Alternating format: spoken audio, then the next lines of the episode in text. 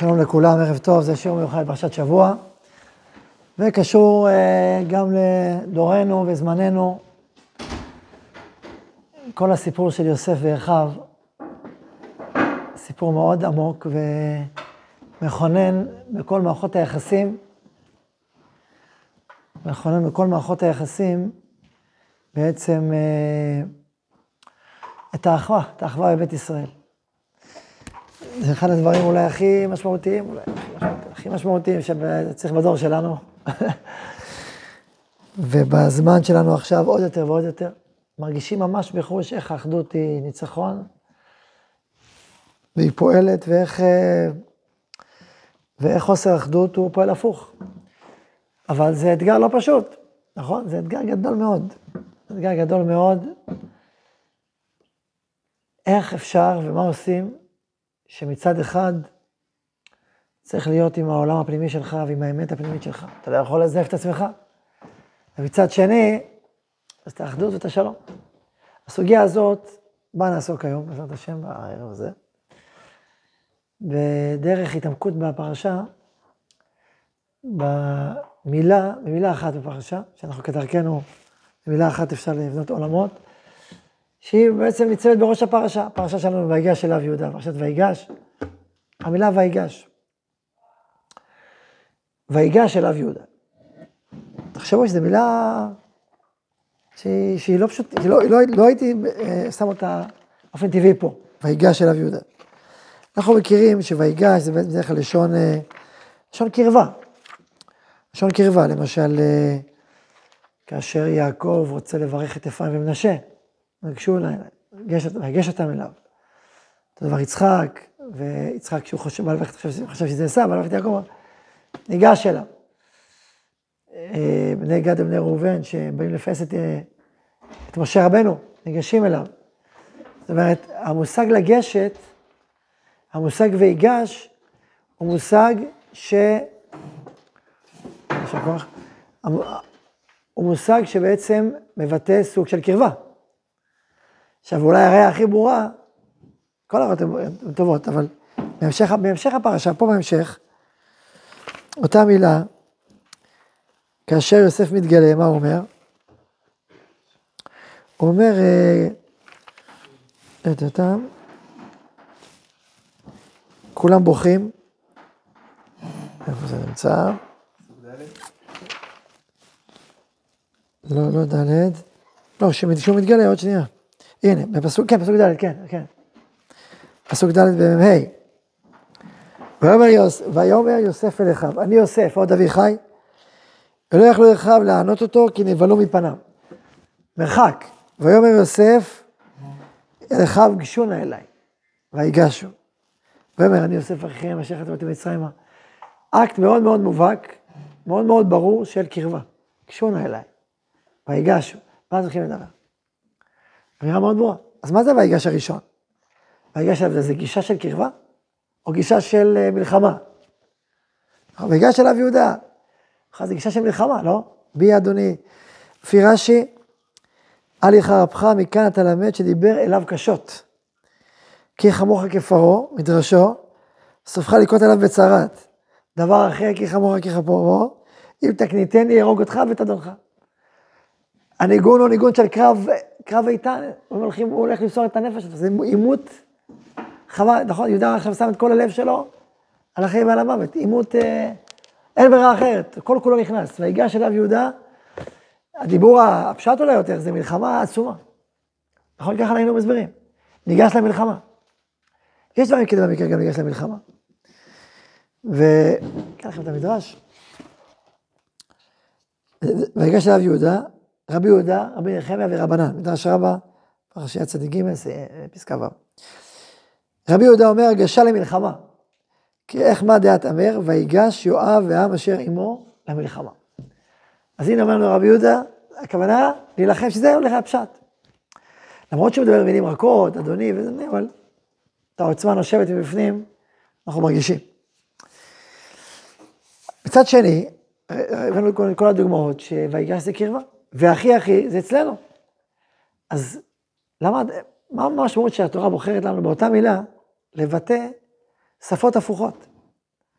שפה אחת של קרבה ואהבה, ושפה שנייה של עימות ומלחמה. באותה מילה. עכשיו תחשבי, זו מילה שנמצאת בראש הפרשה, ויגש אליו יהודה, פרשת ויגש. זה ההתחלה, זה המילה הראשונה. אומר דורשני, לא? צורק דורשני. חייב לדרוש את, את, ה, את הדיאלוג הזה בין שני הויגש. ו... וכמובן, כמו שאמרתי, השאלה היא בסוף, מה אנחנו לומדים מזה שלנו? זה ממש, יהיה ממש אה, שיעור לחיים, מה שנקרא. עכשיו תראו, זה אמר רבי יהודה. רבי נחמיה אומר, הגשה לפיוס. גם קרבה, הגשה לפיוס. מה המקור? ריח מהדעת אמר, ויגשו בני, יהודו, בני יהודה אל יהושע לפייסו. יהושע פרק י"ד. רבנן אמרי הגשה לתפילה. ויגש אליהו הנביא, ויאמר השם אלוקיי וכו'. רבי אלעזר אמר, פשט לאון, אם למלחמה אני בא, אם לפיוס אני בא, אם לתפילה אני בא. אז הוא כבר רוצה לחבר. אני בא לכל אחד ואחד. כל פנים, כבר אנחנו רואים פה בחז"ל את המנעד, או פיוס, או מלחמה, או תפילה, תפילה צריך להתעמק בהמשך, מה זה התפילה עושה פה, איך, איך זה מתחבר פה בכל ה, כל התהליך של יהודה מול יוסף. על כל פנים, אנחנו רואים את, ה, את הרב משמעות של המושג ויגש, ולמה זה ככה? כי הרי מה קורה פה? יש פה תוכחות, מה עושה יהודה, מה אומר יהודה ליוסף? באת, אמרת, שים עיני עליו, בסוף תראה איפה, איפה, איפה זה מגיע כל הסיפור הזה. המצווה תוכחה, מצווה תוכחה, היא מצווה שבאופן פשוט היא יוצרת אה, עימות, נכון? אתה מוכיח, אתה עכשיו מתנגד. אולי בגלל זה כתוב, הוכיח תוכיח את עמיתך, לא כתוב את רעך, לא כתוב את עמיתך. אולי עמיתך, יש פה איזה רמז, יש פה איזה סוג של עימות, עמית, יש פה מרחב של, של התנגדות, של התווכחות. הרבה פעמים אנשים לא רוצים להוכיח, הם נמנעים מלהוכיח. מה, נריב איתו, נפגע בו, נפגע בי. אנשים נמנעים, זה נקרא, זה טיפוס, טיפוס הנמנע. הוא, כל דבר הולך צעד אחורה, נמנע. הוא כאילו שומר על עצמו, שומר על אחרים, הוא מכיר את אלה שעושים בלאגן ורעש ופיצוצים, הוא אומר, אני לא כזה. מה? שווייץ. שווייץ, אוקיי. אני לא כזה. ויש היגיון במרחב הזה, שאומר, לא רוצה להתערב, לא נכנס, לו. אבל האם זאת התורה? האם זאת התורה? לא. לא. התורה אומרת, תוכיח, תוכיח את עמיתך, ולא תישא עליו חטא.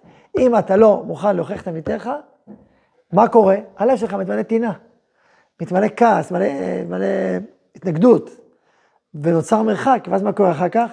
תישא, הוכיח, תוכיח את עמיתך, לא תשנא את אחיך בלי אוהביך, אבל לא תוכיח אותו, תשנא אותו. ולהוכיח זו אמנות גדולה, זה לימוד גדול. אבל, אבל, אבל, אוקיי, אז דיברנו על זה שלהוכיח זה, זה עימות. אבל אם בוא יותר עמוק, נגלה שבתוך התוכחה יש גם קרבה. יש סוג של קרבה, יש סוג של אמון. כשאתה מוכיח מישהו, אתה בעצם נותן אמון שהכאב שלך או, צורת החשיבה שלך תמצא בליבו הד. אחרת אתה לא תוכיח אותו. תשימו לב, אדם לא רוצה להוכיח, כי הוא פוחד שלא יקבלו את התוכחה שלו. הוא פוחד שיעדפו אותו, יעדפו אותה, ואז הוא לא רוצה להוכיח, הוא, למה? עכשיו, אם אתה כן מוכיח, מה זה אומר? שיש קרבה. אם אתה מסוגל, זאת אומרת שיש איזשהו יחד מספיק חזק בשביל להוכיח. אספר לכם מעשה. היה פה אחד הרבנים, באמת לפני שנים פה, רב מיוחד כזה. אז הוא סיפר ש... אה, כשהוא נפגש עם אשתו, הם הכירו, והכל היה טוב, ונחמד ונעים. וטוב, רצו להתארס. הוא אמר, לא אפשר להתארס, אני חושב שאני לא בטוח שאנחנו מתאימים. מה, מה, מה קרה? לא רבנו אפילו פעם אחת. אמר, לא רבנו, איך נדע? צריך לריב, זה לעשות איזה לפחות מריבה אחת, משהו לראות ש... אז הוא אמר, טוב. אז הוא סיפר לנו ככה, אתם יודעים, אמר, ומאז אנחנו רבים באושר, ואושר עד היום הזה. אז, עכשיו, מה זה, עכשיו דבר עמוק במילה שהוא אמר. כי לפעמים אנשים, אתה אומר, מה, איזה שלום מדהים יש ביניהם. הם לא רבו אף פעם, הם לא רבו אף פעם כי הם לא, הם פחדו לריב. הפלטפורמה הייתה כל כך שברירית, שדבר הכי קטן, הכל התפרק, אז הוא לא אומר כלום. זה לא מחוסן. לפעמים אדם לא רב, כי הוא מלא אהבה וחבר שלום ורעות, זה מצוין. אבל לפעמים זה מפחד. ולכן הכל הכל כזה, הכל כזה, לא, לא מדברים, לא אומרים, הכל, מה שנקרא היום, הולכים בעונות הרגליים. שלא יהיה רעש. אז זה לא, זה לא אנרגיה של חיבור. ודווקא כשיש אנרגיה של חיבור וביטחון, אפשר לדבר. וצריך לדבר, וחשוב לדבר. בזוגיות, במשפחה, בחברותה, בכל הקשר. וכשאדם מדבר, אז כאילו, אז הצד החיצוני הוא תוכחה, אבל הצד הפנימי הוא סוג של קרבה. יש פה קרבה.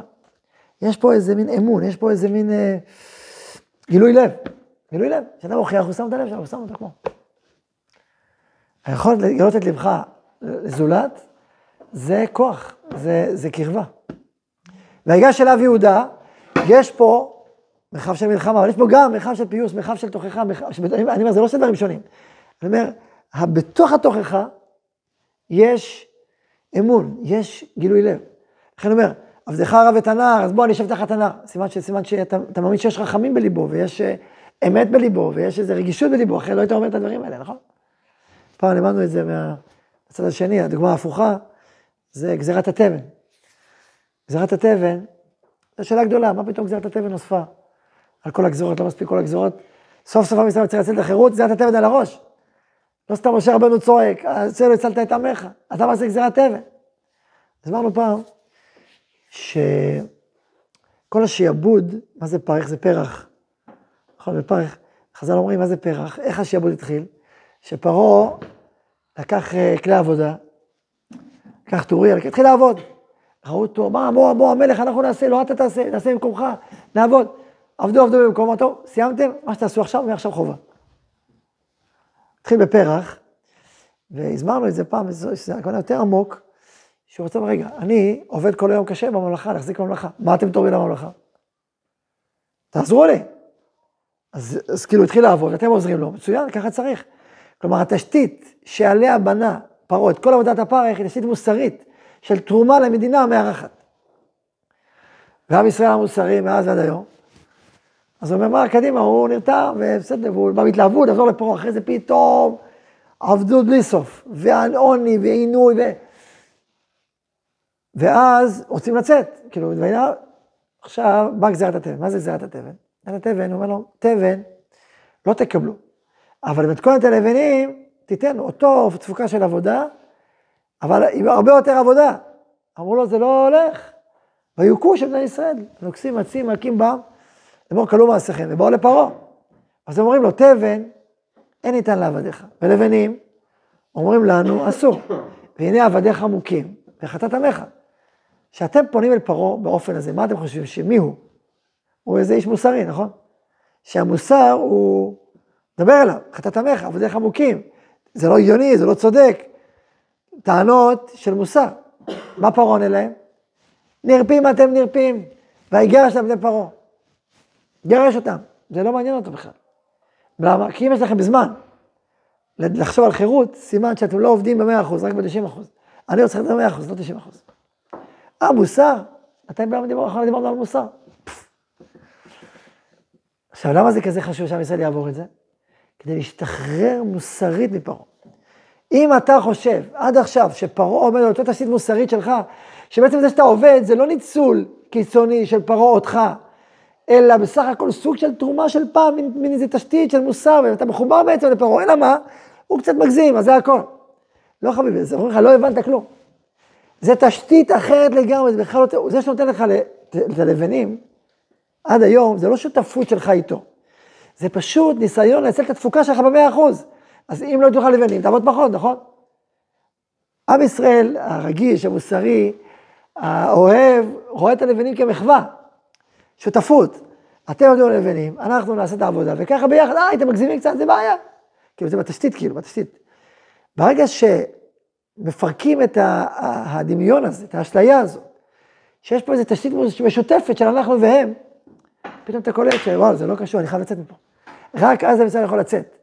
כי הוא בעצם מבין לעומק שהוא בנוי בתשתית אחרת. זה לא אותו אה, רחב, מרחב פנימי, זה משהו, סיפור אחר. מכירים את הדיבורים האלה קצת. עם ישראל לא יבין את זה עד שיגידו לו את זה? עד, שהוא יחטוף, עד, שמעוררים אותו, אומרים לו, תשמע, שמע, זה משהו אחר. טוב, עכשיו אני אמרתי. יש לנו, אנחנו כן מאמינים שיש צלם אלוהים בעולם. יש לנו תפקיד, זה נכון, אבל זה לא אומר שיש גם בחירה. יכול להיות שבא אחד מהם יגיד, לא מעניין אותי כלום. אבל עדיין זה לא, לא הדרגה הפנימית שאנחנו יונקים ממנה וחיים בתוכה. אז גזירת התבן בעצם הייתה פעולה פנימית עצומה של שחרור ישראל מהעבדות המנטלית לעולם של מצרים ופרעה. ככה בהורשה.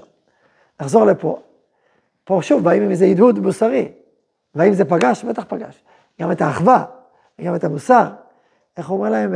את האלוהים אני אראה. אומרים לזה? מה פתאום? שמי שנמצא לבדו הוא יהיה לי אב, אתם? יש צדק בעולם, וזה רעה תחת טובה, יש דיבור מוסרי. ו...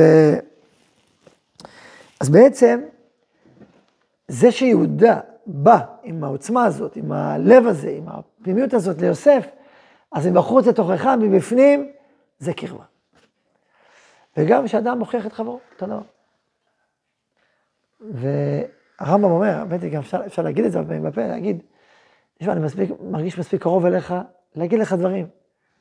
בסדר שאני אגיד כמה דברי תוכחה, אפילו, אפילו, אפילו להקדים הקדמה, אפילו להגיד, אני מרגיש מספיק קרוב, כדי שלא תיפגע מזה, אני... זה מרכך, זה מחבר, זה, זה, זה פועל, חשוב. הוכיח תוכיח עמיתך זה, זה בעצם הרשת החברתית הישראלית ששומר לאדם לא ליפול. אדם עושה טעויות וזה וזה, יש אנשים שיוכיחו אותו, שיסבירו לו, שמע, זה טעות. וזה יוצר, בפנים יוצר אחווה, בסוף. אלא מה? צריך לדעת להוכיח. זה לימוד. אי אפשר לפטורים מלהוכיח, זה מצווה מהתורה. צריך לדעת להוכיח, כתוב אם יש לך בדור הזה מי שיודע להוכיח, או שיודע לקבל תוכחה, זה לא פשוט. אבל עדיין זה אומר שאנחנו פטורים. מה שכתוב בפוסקים זה פטורים משנאה. כלומר, אם הוכחת מישהו ולא שמע, אתה יכול לשנוא. אומר לך, זה, אין בדור שיכול להוכיח, כדי שתגיד שאני יכול לשנוא אותו שלא שמע.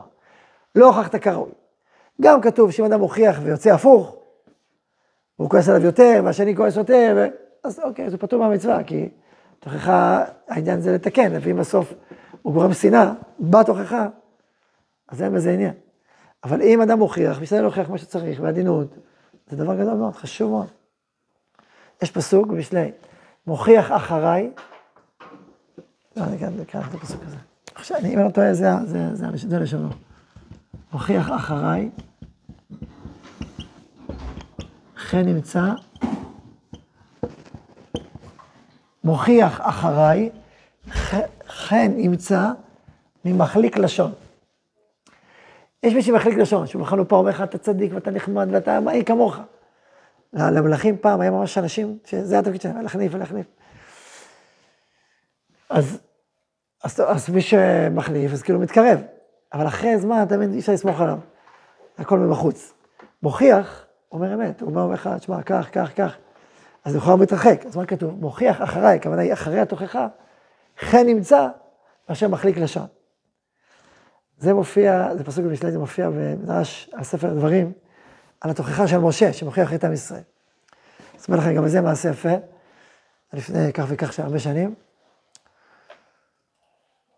בפרשה הזאת, פרשת דברים, הגיע לפה איזה מיליארדר, שבא לישיבה, לא, בבניין הקודם, עוד לפני שנים הרבה.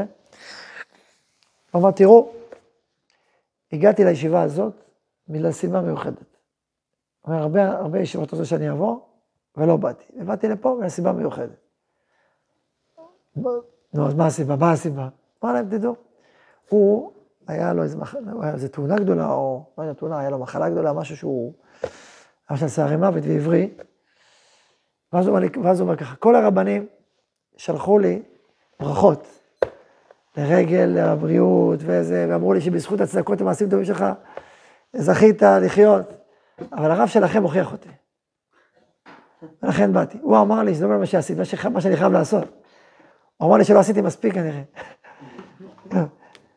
כמובן, מה, אתה מכיר את התורה של הרב, של אבא, שהוא אומר ש... איך אדם, אה, שינוי שם והכל, זה תפקיד חדש, זה שליחות חדשה, זה לא מה שעשית, מה שאתה כבר עשית. אם מעריכים ימין לבן אדם, בגלל שליחות שהוא מקבל על עצמו, בגלל עוד משימה, לא בגלל מה כבר שעשית, מה שאתה כבר עשית, אז אמר לו את זה. אל תחשוב שבגלל מה שעשית, מה שאתה צריך לעשות. אז הוא אומר, בגלל שהוא הוכיח אותי, אז לכן באתי לפה. אז אמרתי, זה יתקיים, מוכיח אחריי, חן נמצא. זאת אומרת, למרות שהתוכחה היא כאילו מאתגרת, והיא יכולה להגיד, מה מוכיח אותי? זה, זה היה באותו שבוע של פרשת דברים, עם הפניות, את התיאום הזה. על כל פנים, אה, אז, אז אני חוזר, למה חן נמצא? כי בסוף יש קרבה, בסוף יש אמת. בסוף יש רצון לקשר יותר טוב ויותר משמעותי ויותר משוכלל, וזה מה שעושה תוכחה. ולפי זה, לכן בהתחלה כתוב ויגש אליו יהודה, בתוכחה. בסוף קשונה אליי ויגשו בקרבה.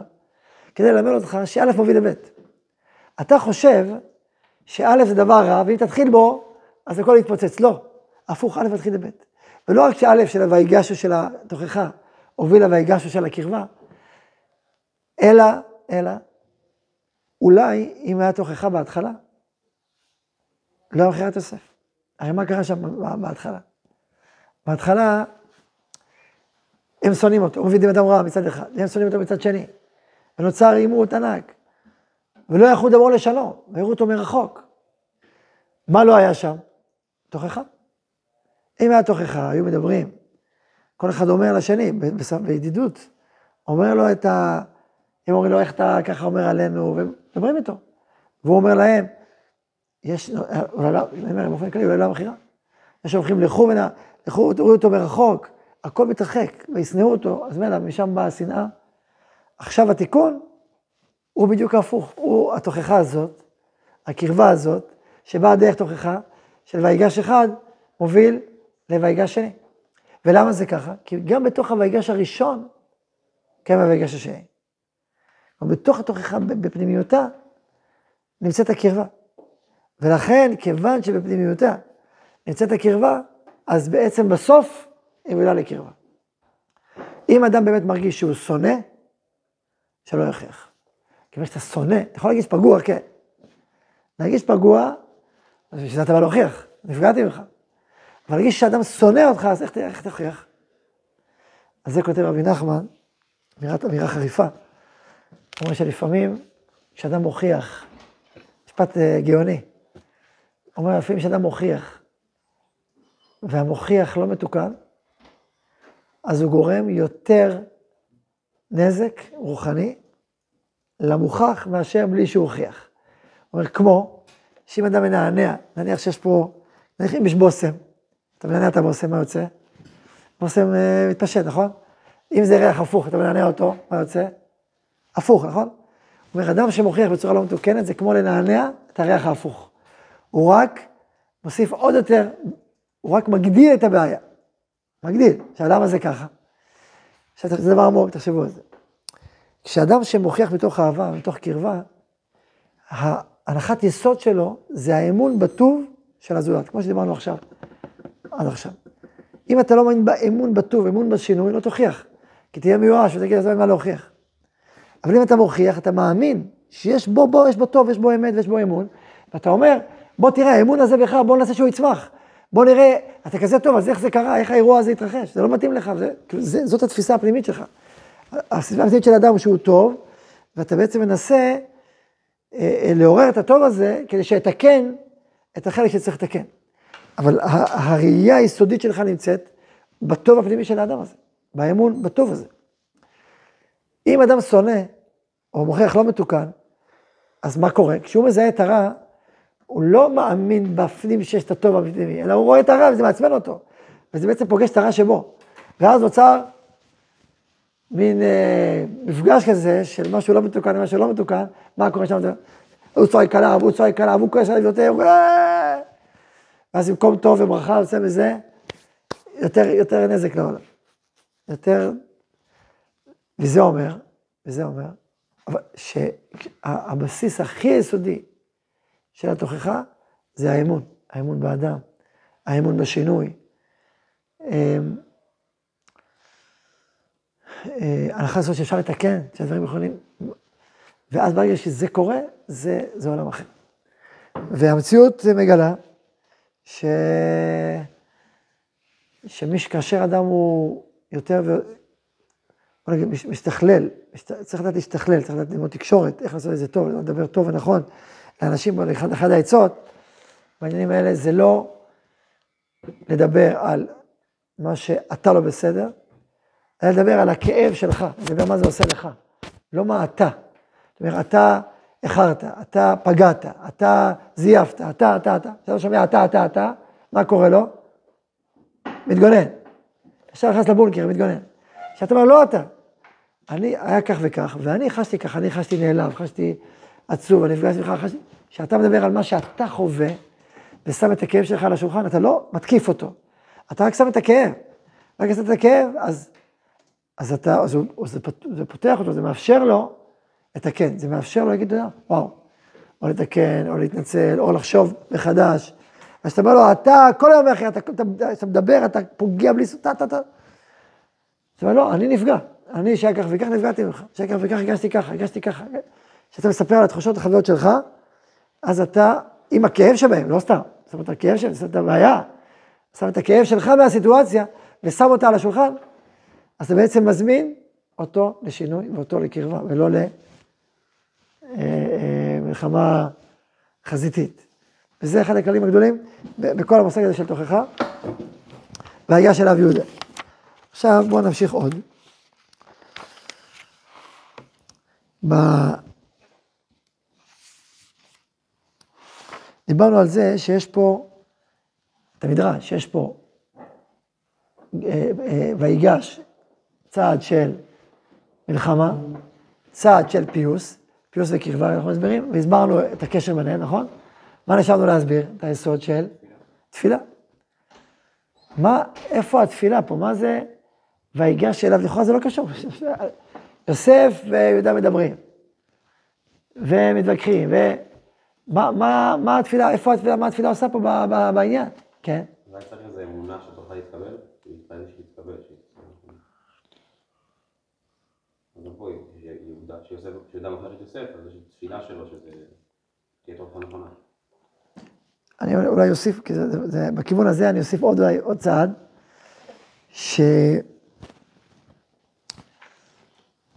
כשאדם, כשאדם פועל אה, ממקום פנימי באישיות שלו, הרי הוא מאמין בשינוי, הוא מאמין בתקווה, הוא מאמין בעולם יותר מתוקן ויותר מחובר. כשהוא מתחבר לאמונה הזאת, הוא מתחבר לאותה שאיפה פנימית שהעולם יהיה אחר. עכשיו, זה יכול להיות במודע, יכול להיות לא במודע. יכול, יכול להיות שבמודע הוא ממש מתפלל. הוא אומר, אני זה חלק מהמסע שלי שהעולם מתוקן.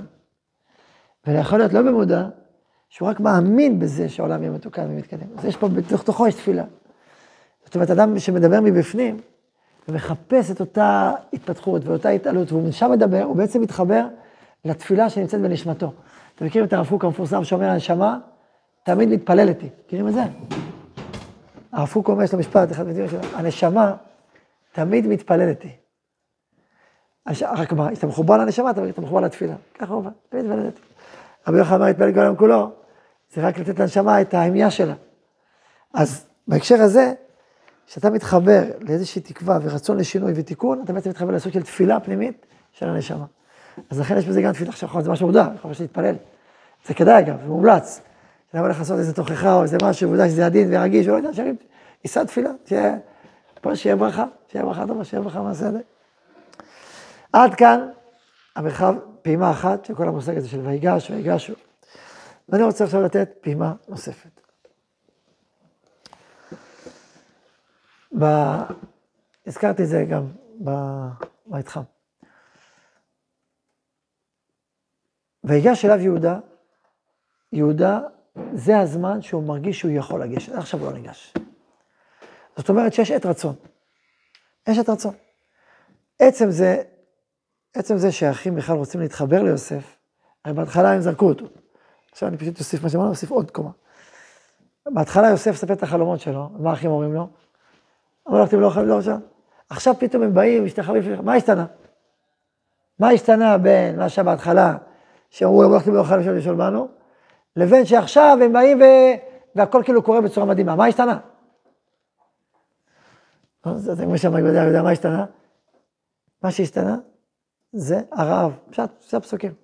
נכון, היה רעב בארץ, כשיש רעב צריך, צריך לאכול, צריך לאכול למי באים? למצרים, מי מבקשים? יוסף, נכון? רצו להישאר, הוא דיבר איתם קשות, רצו להישאר בארץ ישראל. נגמר הקט, שבוע שבוע מהתוכן.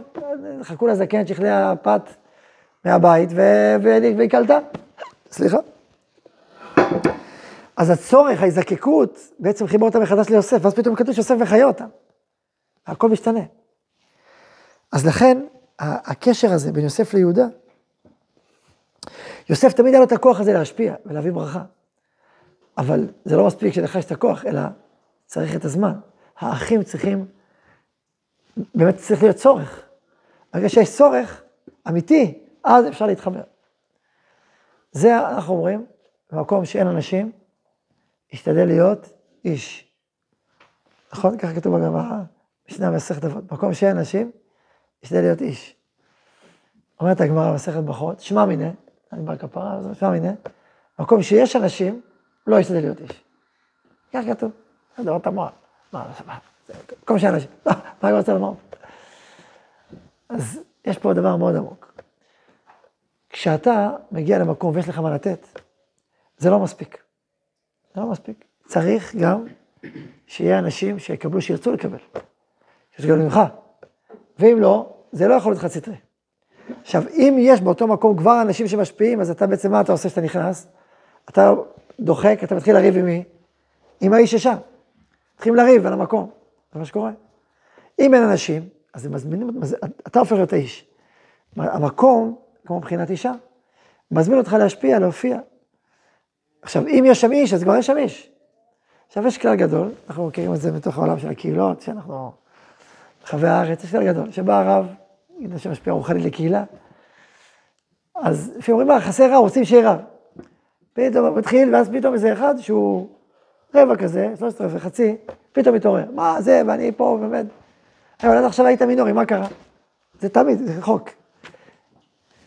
למה? כי עד עכשיו הוא כאן נבלע, פתאום בא איש אחר, אז רגע, גם אני איש. ואז קורה אחד מהשתיים, או שהוא באמת אומר, באמת אני לא. או שהוא אומר, אני ולא אתה. ואז ההוא הולך, שבא הולך. זה, אבל התנועה הזאת תמיד מנענעת את האיש שכן יש שם. תמיד, תמיד זה ככה. אז מה העיקרון הזה אומר? שיש פה סוג של חיבור והזמנה בין הצורך, הצורך לבין הרצון להשפיע, לבין ההשפעה, לבין האור שאתה רוצה להביא. תמיד צריך להיות איזושהי מקבילה בין הצורך לבין האור שאתה רוצה להביא. ולכן, צריך להיות קשוב, קשוב לצרכים שעולים, לבקשות שעולות, לשאלות שעולות. לתת להם מענה, ואז יש חיבור, יש ייחוד, יש קשר אמיתי ונכון. כשיש רעב, אז יש, יש יוסף. ופה אנחנו מגלים, אז זה אחד, שפה אנחנו מגלים עוד קומה, לא רק הקומה הזאת, קומה נוספת. גם, גם יהודה, שניגש לדבר עם יוסף, גם לזה צריך זמן, גם לזה יש עת. עד עכשיו, אני יכול לדבר איתו כמה פעמים, לא. הסיטואציה הביאה לידי מצב כזה, שעכשיו אפשר לדבר.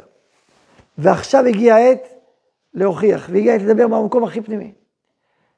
לא כל זמן מתאים לדיבורים הפנימיים. לכל זמן, ועת לכל חפץ תחת השמיים. צריך לכוון, לכוון את הזמן. אגב, בעולם של תוכחה דיברנו, ודאי צריך לכוון זמן. לא כל זמן תוכחה. יום שישי, כולם זה, לא, אני יש לי מה להוכיח אותך. עכשיו יום שישי, ערב שבת, אני כבר...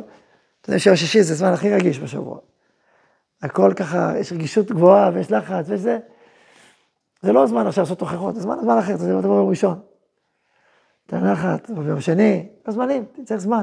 ומקום, מקום הגיוני, מקום טוב, מקום נינוח, לא באמצע השוק, או באמצע האנשים וכולם. פניות. ואז יש לזה, יש לזה, נפתח, או, או הזדמנות. יש הזדמנות. ויחל יעקב וירב בלבן, מה זה, זה כל עשרים שנה אחי בביתך? זה עשרים שנה, כל העשרים שנה שהוא כואב, כועס, אמר לו, מה זה, אתה עושה? יש לפעמים הזדמנות, שנפתח איזה שער, נוצר, ואז הדיבור הגיע הזמן של הדיבור.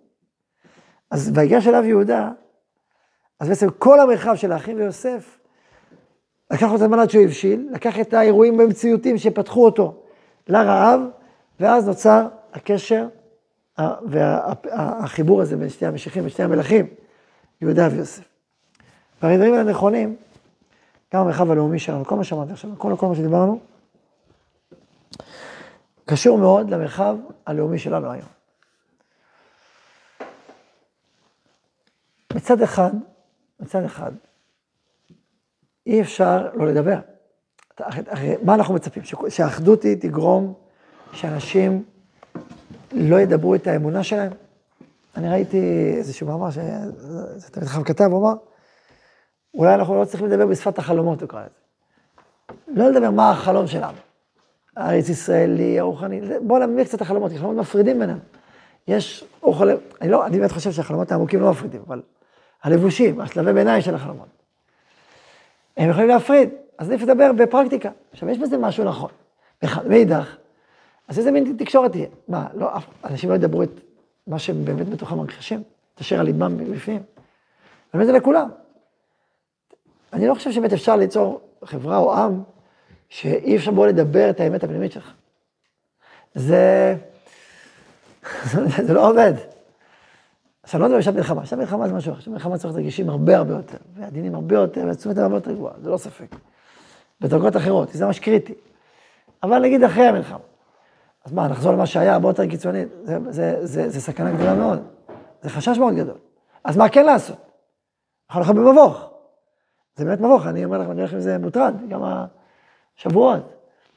כי לא סתם היה את כל האירוע של הרפורמה, היה סיבה, על איזה התחושות שאנחנו חשים עשרות שנים. ו- וצריך לעשות משהו בעניין הזה, וצריך לדבר. יש, יש ערוץ ש- שאומר, אתה חייב לתת ביטוי אמיתי לציבור ענק, לדרך דרך חדשה, דרך אחרת. לתת ביטוי. מאידך, אם אתה אומר את זה, והוא חושב הפוך, אז עכשיו שוב פעם למריבות בלתי פוסקות, אז מה עושים? לא רק מה עושים עכשיו, מה עושים בכלל? האם, האם יש דרך כלשהי שאיתה אפשר מצד אחד לדבר, ואפילו להתווכח, ואפילו, ומצד שני מתוך קרבה, זו השאלה. אני חושב שהפרשה הזאת שלנו, הוויגש הזה שדיברנו עליו, הוא מפתח גדול. קודם כל ממקום של ויגש, לא ממקום, כלומר, אתה יכול להתווכח, אתה יכול להתעמת, אתה יכול להגיד, להביא כאב, אתה יכול לשים אותו על השולחן, אבל הבסיס הוא קרבה. והוא רוצה קרבה, והוא מאמין בקרבה. והוא מאמין שעם אחד אנחנו ואחים אנחנו. ואחרי שזה הפלטפורמה, וזה התודעת היסוד, אז אתה אומר את האמירות שצריך להגיד. שבתוכם רצוף קרבה. עכשיו כמובן שגם הצד השני צריך להיות במרחב הזה. וזה, בוא נגיד, אה, תמיד יש קיצוניים תמיד שהם לא שם. מישהו שהוא מאוד קיצוני והוא לא שם, אז זה בעיה. אתה לא יכול באמת. לא יודע כמה אפשר לתקשר איתו. אם מישהו חושב שאתה אויב, אז אה, זו שאלה. אבל זה קיצוניים בדרך כלל, קיצוניים גדולים. הרוב, הוא יתווכח עליך, הוא לוחם בך, אבל לא חושב שאתה אויב. אם אתה רואה שיש פה אח, אז צריך למצוא את הפלטפורמה הזאת של האחווה היסודית, ולדבר, ולדבר, לדבר מתוך שם, לדבר בלי לזלזל, בלי לפגוע, אבל לדבר מתוך, מתוך הבנת העולמות השונים, ולראות איך אנחנו ביחד יוצרים את המרקם, אם נפגענו, צריך להגיד, כל הצדדים. אז דווקא מצד התוכחה, שנובעת מתוך אהבה, שנובעת מתוך קרבה, היא מאפשרת חיים אה, של אהבה ושמחה, מצד אחד, מצד שני של כלומר של ויגש, יש כבר קרבה, יש ויגש, אבל גם יש ויגש. אי אפשר, אני לא חושב שאפשר לוותר על זה באמת לעם חפץ חיים, וחפץ, אה, אין למה, לא לזלזל. אפשר לזלזל, אפשר לייחס לשני כוונות רעות, אפשר להגיד שהוא רשע ופושע ומזיד, זה לא.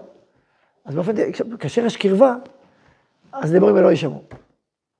לא יישמעו, לא מכל צד. כשהם לא נשמעים, יש אווירה מתוקנת, מכוונת. היו ניסיונות כאלה לעשות כל מיני אמנות, אני חושב שזה מאוד מאוד חשוב. איך ליצור שפה, שיח, שיודע להתווכח, בשפה מכבדת, מקרבת, בשפה שמביאה את הנפש, אבל מקשיבה, וככה יוצרת, אה, בסוף יוצרת חיבור. אספר לכם דוגמה, לפני כמה חודשים הייתי, סיפרתי את זה פעם אחת, הייתי בפגישה עם אחד הבכירים מפלגת העבודה, שעבר. והוא היה אכפת לו לדבר, רצה לדבר וזה, דיברנו, דיברנו איזה שעה, שעתיים.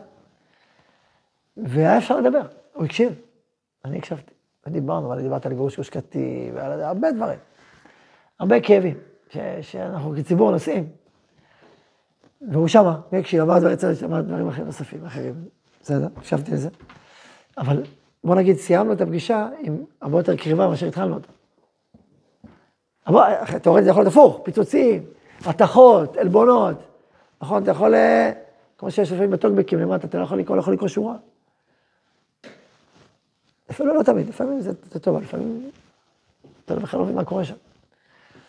אבל היכולת לדבר, לדבר את האמת שלך, זה הבן אדם שלא, אני לא עשיתי, לכם, עשיתי לו שום הנחה. אמרתי את האמת שלי, כפי שהיא, עם כל... אבל בכבוד ובהבנה וברגישות. ויצאנו הרבה יותר מחוברים. אז זו סיטואציה אפשרית.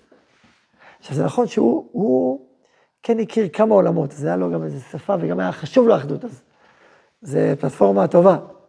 מי שלא חשובה לו בכלל, אז זה פלטפורמה פחות טובה.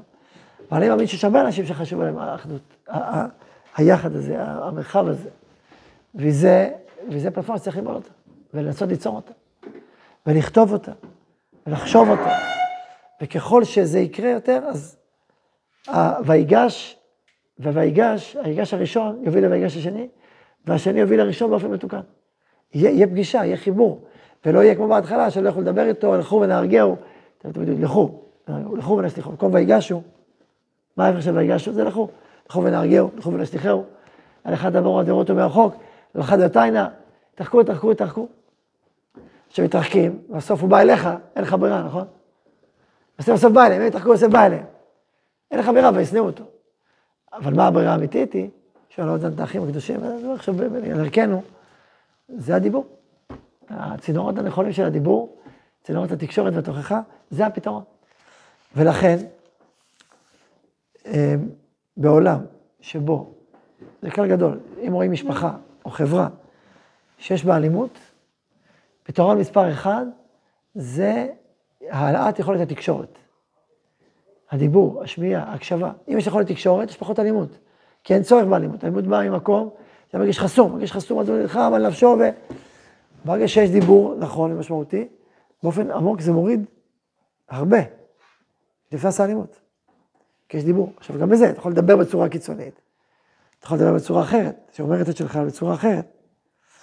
ואנחנו שואפים למרחב הזה, שואפים ליצור את המרחב הזה. שואפים לתיקון הזה של ויגע של אב יהודה. אז צריך הרבה תפילה לפני, אחרי ותוך כדי. אבל בגלל שתפילה, צריך הרבה תפילה, שזה, שזה יפעל, שזה יפעם, שזה יתרחש, כן. הוא דיבר גם בהתחלה וגם עכשיו על החיבור בין, ה... בין התורה, ל... כאילו שיש שלום גם בין אנשים וגם שהרב סיפר עכשיו. אני לא חושב שהסיפור שלו עם אותו אחד, זה, זה כאב מבחינת אה, בין אנשים, אבל גם מבחינה דתית, כאילו, ל... מבחינה רוחנית? האם זה כאב גם מבחינה רוחנית? כן, אולי זה המטרה בסוף. לא? תראה, ברור שיש פה שתי דרגות, יש דרגה אחת של חיבור העם, ויש דרגה פנימית יותר, שאנחנו כן מחפשים וחושבים שעם ישראל שמחובר לנשמתו, זה אור חייו והאושר שלו. וככל שעם ישראל יותר מרוחק, זה פספוס ענק, זה חורבן, זה... ולכן אנחנו רואים לנגד עינינו אידיאל נשגב, לחבר את עם ישראל לשורשיו, הרוחניים, ההיסטוריים, הפנימיים, לעתיד שלו, לעבר שלו, למישהו. רואים בזה ערך ו- ו- ושאיפה, שאיפת חיים. ולכן העולם של התורה והקדושה, כשהוא מתחבר נכון, זה נפלא מאוד. רק זה לא צריך מתוך כפייה, זה צריך לבוא מתוך חיבור פנימי, ובעדינות, ובצמיחה, בתהליך של צמיחה, לא בתהליך של כפייתי. הבעיה מתחילה בעיקר, זה במרחבים הפוליטיים שמדברים על הנהגת מדינה, ושם יש הרבה יותר קשה. שם זה הרבה יותר, אבל במרחבים האחרים זה, זה, זה, הפלטפורמה הזאת מזמינה עוד עומק של חיבור ועוד עומק של חיבור. ואדם מתחבר לפי כוחו. אם אדם מתחבר לשלושה דברים, לא לחמישה, אז זה המקום שבו הוא נמצא. אתה מנסה לחבר אותו כל, כל דבר ודבר כמה שאתה יכול. ובסוף יש לו בחירה, ואתה רוצה שלא בחירה. אתה לא רוצה שלא יהיה בחירה. אתה רוצה שלא בחירה ולבחור מבפנים כמו שאתה רוצה לבחור. אז במקום הזה, אה, אה, ברור שאתה רוצה את הקשר הרוחני ואת ההבנה שזה הסוד של החיים שלנו. אתה לא מסתפק רק באיזון אחדות של ראשונית, שהרבה יותר עמוק, ברור. רק זה צריך לבוא שהוא מוכן לשמוע ורוצה לשמוע. בוודאי אם הוא צמא לשמוע, שזה הדבר הכי גדול שיש. אדם צמא לשמוע ואתה מצליח לדבר איתו מבפנים ונפתחים אה, שערים. טוב, עוד שאלות? טוב, אז בזה סיימנו את, ה, את השיעור הזה, ואני רק רוצה להגיד, מזמין אתכם ל, להתרגל, לתרגל ב... איך אומרים? לתרגל בבית.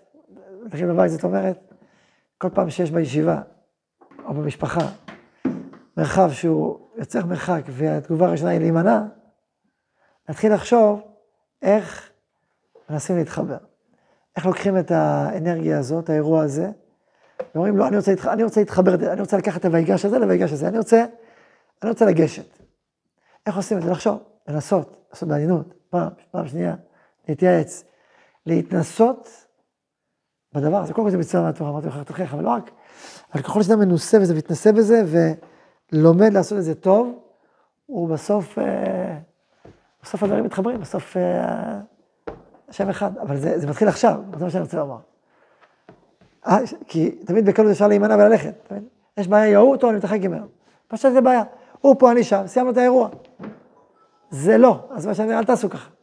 תנסו למצוא את הדרכים להתחבר, תתייעצו איך מתחברים. ת, ת, ת, ת, ברגע שעושים את זה בישיבה, ופותחים את העולמות האלה בישיבה, בשלבים הבאים, במשפחה, במרחב הלאומי שלנו, אז הדברים הרבה הרבה יותר כבר מחוברים, כבר מחוברים, כבר אתה התאמנת על זה, כבר אתה בפנים, אתה, ולא פתאום נזכר, אה, מה אנחנו עושים דבר כזה, זה בלתי אפשרי, בלתי אפשרי. זה, זה עוד, לא אפשרי. עכשיו, כמובן, אף אחד לא חותם על הצלחות. אנחנו חותמים על השתדלות, על מאמץ, על, על ניסיון, על התנסות, על, על בחירה בדרך הזאת. לא יסתמנו וישתוק, את הרמב"ם. שיחטא איש לאיש, לא יסתמנו וישתוק, כמנהג הרשעים. כמו שנאמר, כי שנא אבשלום את אמנון. לא דיבר איתו בטוב הדרה, כלום. כמנהג הרשעים כל הזמן. ומצד שני, לא יחלימנו. לא אגרסיבי ולא פסיבי, אלא מה? מילים רכות, בעדינות, יגידו ככה עשית, ככה עשית, עליי, על אחרים בכלל. ואז, ואז אה, יש לזה כוח, יש לזה כוח אמיתי. לומדים, לומדים. חזקו וימצאו יהי רצון שנזכה למלאכה הזאת בישראל.